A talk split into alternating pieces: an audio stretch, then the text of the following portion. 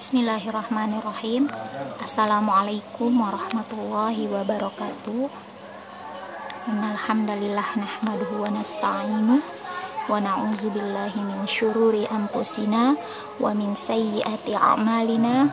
May yahdil falamudillalah Wa may yudlil Ashhadu an la ilaha illallah Wa ashhadu anna muhammadan abduhu wa rasuluh. Allazi la nabiya ba'dah yang paling pertama, mari kita sama-sama memuji Allah, Rob semesta alam yang telah memberikan kita berbagai karunia, sehingga pada siang hari ini kita masih dapat berkumpul, berkumpul di terminal kebaikan insya Allah ya. Kemudian salawat serta salam juga tidak lupa kita haturkan kepada junjungan kita Nabi Muhammad Sallallahu Alaihi Wasallam. Baik uhtifillah, untuk pekan ini, materi BPI kita yaitu tentang interaksi sosial Nabi Muhammad Wasallam dalam masyarakat Quraisy. Kita akan sedikit membahas sekilas tentang masa remaja Rasulullah dari tahun 586 sampai 591 Masehi. Saat Nabi Muhammad Shallallahu Alaihi Wasallam berusia antara 15 sampai 20 tahun, beliau mengikuti perang Fijar, yakni perang yang terjadi antara kabilah Quraisy dan sekutu mereka dari Bani Kinanah melawan kabilah Qais dan Ilan. Harb bin Umayyah terpilih menjadi komandan perang membawahi kabilah Quraisy dan Kinanah karena faktor usia dan kedudukannya. Perang pun meletus pada permulaan siang hari. Kebenangan berada di pihak kabilah Qais terhadap Kinanah. Namun pada pertengahan hari, keadaan terbalik. Justru kemenangan berpihak pada Kinanah. Dinamakan Perang Fijar karena dinodainya kesucian Asyahrul Haram pada bulan tersebut. Dalam perang ini, Nabi Muhammad Wasallam ikut serta dan membantu paman-pamannya menyediakan anak panah untuk mereka.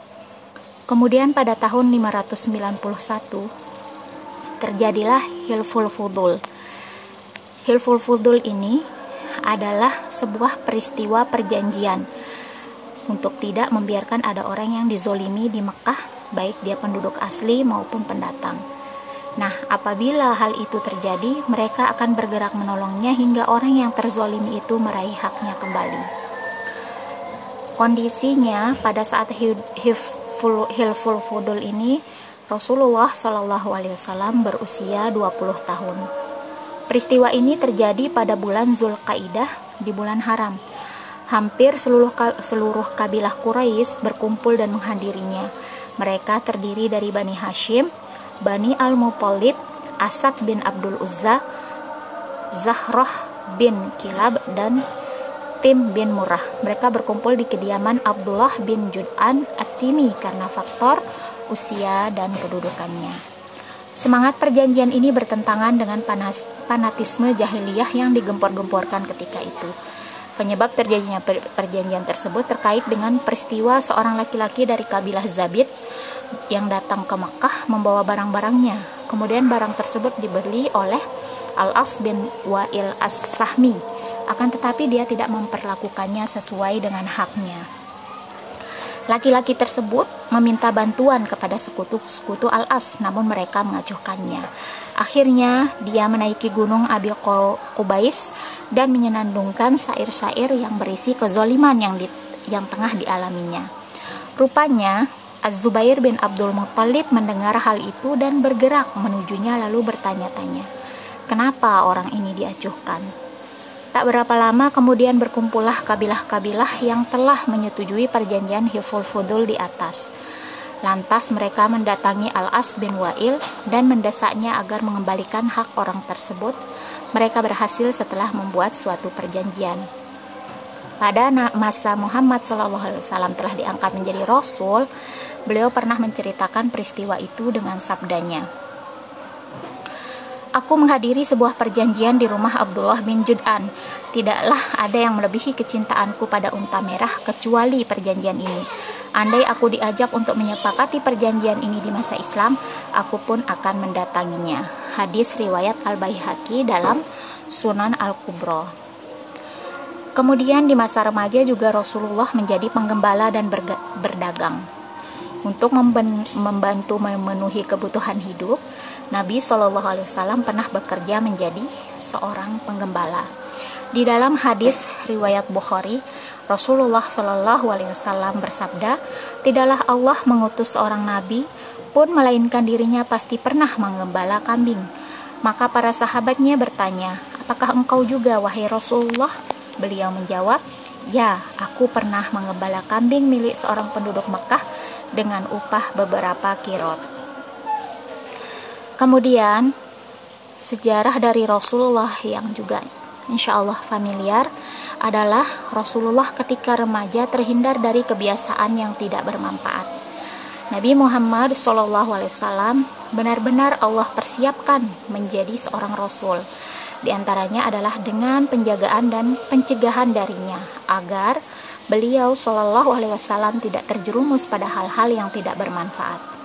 Ibnu Al Asir meriwayatkan Rasulullah Shallallahu Alaihi Wasallam bersabda, Aku hanya dua kali pernah berkeinginan untuk melakukan apa yang pernah dilakukan oleh ahli jahiliyah.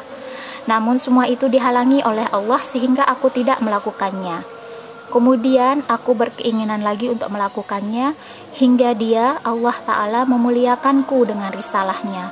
Suatu malam aku pernah berkata kepada seorang anak yang menggembala kambing bersamaku di puncak Mekah, Maukah kamu mengawasi kambingku sementara aku akan memasuki Mekah dan bergadang ria seperti yang dilakukan oleh para pemuda tersebut? Dia menjawab, iya boleh. Lantas, Aku pergi hingga saat berada di sisi rumah yang posisinya paling pertama dari Mekah. Aku mendengar suara alunan musik tabuhan rebana. Lalu aku bertanya, apakah apa gerangan ini? Mereka menjawab, prosesi pernikahan Sipulan dengan Sipulanah. Kemudian aku duduk-duduk untuk mendengarkan, namun Allah melarangku untuk mendengarkannya dan membuatku tertidur. Dan tidurku amat lelap sehingga hampir tidak terjaga. Bila saja terik panas matahari tidak menyadarkanku, akhirnya aku kembali menemui temanku yang langsung bertanya kepadaku tentang apa yang aku alami dan aku pun memberitahukannya. Kemudian aku berkata pada suatu malam yang lain seperti itu juga. Aku memasuki Mekah namun aku mengalami hal yang sama seperti malam sebelumnya. Lantas aku bertekad untuk tidak berkeinginan jelek sedikit pun. Menikah Ketika berusia 25 tahun, beliau pergi berdagang ke negeri Syam dengan modal yang diperoleh dari Khadijah radhiyallahu an. Ibnu Ishaq berkata, Khadijah binti Huwailid adalah salah seorang wanita pedagang yang memiliki banyak harta dan bernasab baik. Dia menyewa banyak kaum lelaki untuk memperdagangkan hartanya dengan sistem bagi hasil. Kabilah Quraisy dikenal sebagai pedagang handal, maka tatkala sampai ke telinganya perihal kejujuran bicara, amanah dan akhlak Rasulullah Shallallahu Alaihi Wasallam yang mulia, dia mengutus seseorang untuk menemuinya dan menawarkannya untuk memperdagangkan harta miliknya ke negeri Syam. Dia menyerahkan kepada beliau barang dagangan yang istimewa yang tidak pernah dipercayakannya kepada pedagang-pedagang yang lain. Beliau juga didampingi oleh seorang pembantunya bernama Maisarah. Beliau menerima tawaran tersebut dan berangkat dengan barang-barang dagangannya bersama pembantunya tersebut hingga sampai ke Syam. Ketika beliau pulang ke Mekah dan Hadijah melihat betapa amanahnya beliau terhadap harta yang diserahkan kepadanya, begitu juga dengan keberkahan dari hasil perdagangan yang belum pernah didapatinya sebelum itu. Ditambah lagi informasi dari Maisarah membantunya tentang budi pekerti beliau, kejeniusan, kejujuran, dan keamanahannya. Maka dia seakan menemukan apa yang dicarinya selama ini, atau calon pendamping idaman. Padahal, banyak kaum laki-laki bangsawan dan pemuka yang sangat berkeinginan untuk menikahinya, namun semua dia tolak. Akhirnya, Khadijah pun menceritakan keinginan hatinya kepada teman wanitanya, yaitu Nafisah binti Munayyah, yang kemudian bergegas menemui Nabi Muhammad SAW meminta kesediaannya untuk menikahi Khadijah. Beliau pun menyetujuinya dan menceritakan hal tersebut kepada paman-pamannya. Kemudian mereka mendatangi paman Khadijah untuk melamar keponakannya.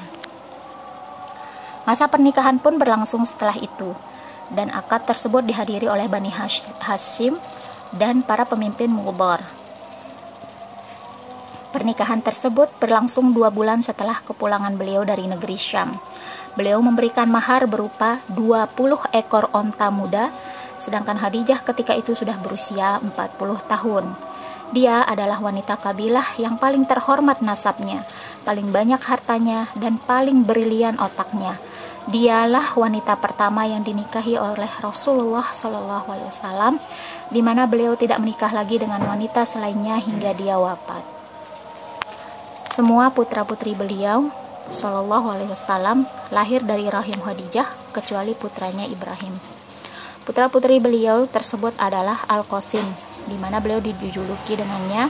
Yang kedua Zainab, yang ketiga Rukayyah, yang keempat Ummu Kulsum, yang kelima Fatimah, yang keenam Abdullah, julukannya adalah Al-Tayyib dan Al-Tahir.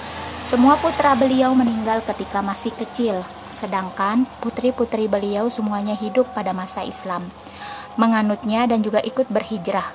Namun semuanya meninggal dunia semasa beliau Shallallahu Alaihi Wasallam masih hidup, kecuali Fatimah radhiyallahu an yang meninggal enam bulan setelah beliau wafat. Perbaikan Ka'bah pada usia Nabi Shallallahu Alaihi Wasallam ke-35 terjadi peristiwa penting yaitu robohnya Ka'bah disebabkan hantaman banjir. Saat itu orang-orang Quraisy bahu-membahu mengadakan perbaikan. Nabi Shallallahu Alaihi Wasallam pun turut serta dalam perbaikan tersebut. Hingga terjadilah perselisihan antar suku Quraisy berkenaan dengan peletakan kembali Hajar Aswad. Masing-masing masing-masing pihak merasa berhak mendapatkan kehormatan untuk meletakkan ke tempat semula atas usul Walid bin Mughirah. Ada juga riwayat sebagian yang mengatakan Huzaifah bin Mughirah. Ketentuan peletakan disepakati akan diserahkan kepada orang yang esoknya pertama kali datang ke Masjidil Haram melalui pintu Bani Syaibah. Dan ternyata uhtifillah orang tersebut adalah Nabi Muhammad SAW orang yang pertama datang. Maka beliau kemudian memberikan solusi cerdas. Hajar Aswad beliau simpan di atas hamparan kain, kemudian diangkat bersama-sama oleh seluruh kabilah. Rasulullah Wasallam dikenal oleh masyarakat Mekah sebagai orang yang peduli pada sesama, selalu membantu fakir miskin, menolong orang yang kesusahan, membela orang yang terzolimi. Hal ini terungkap dari ucapan Khadijah radhiyallahu anha pada saat menenangkan Rasulullah sallallahu alaihi wasallam dari ketakutannya ketika pertama kali mendapatkan wahyu dari Allah taala. Jangan takut, demi Allah, Tuhan tidak akan membinasakan engkau. Engkau selalu menyambung tali persaudaraan, membantu orang yang sengsara, mengusahakan barang keperluan bagi yang tidak berada, memuliakan tamu, menolong orang yang kesusahan karena menegakkan kebenaran. Utifilah ibroh yang bisa kita ambil. Rasulullah Shallallahu Alaihi Wasallam adalah pribadi yang dipersiapkan menjadi nabi dan rasul dengan pendidikan dari Allah Taala secara langsung. Ibrohnya hendaknya kita selalu berada dalam kondisi mempersiapkan diri dengan tarbiyah Islamiyah. Terlebih lagi jika kita memiliki cita-cita luhur untuk memperjuangkan kalimat Allah.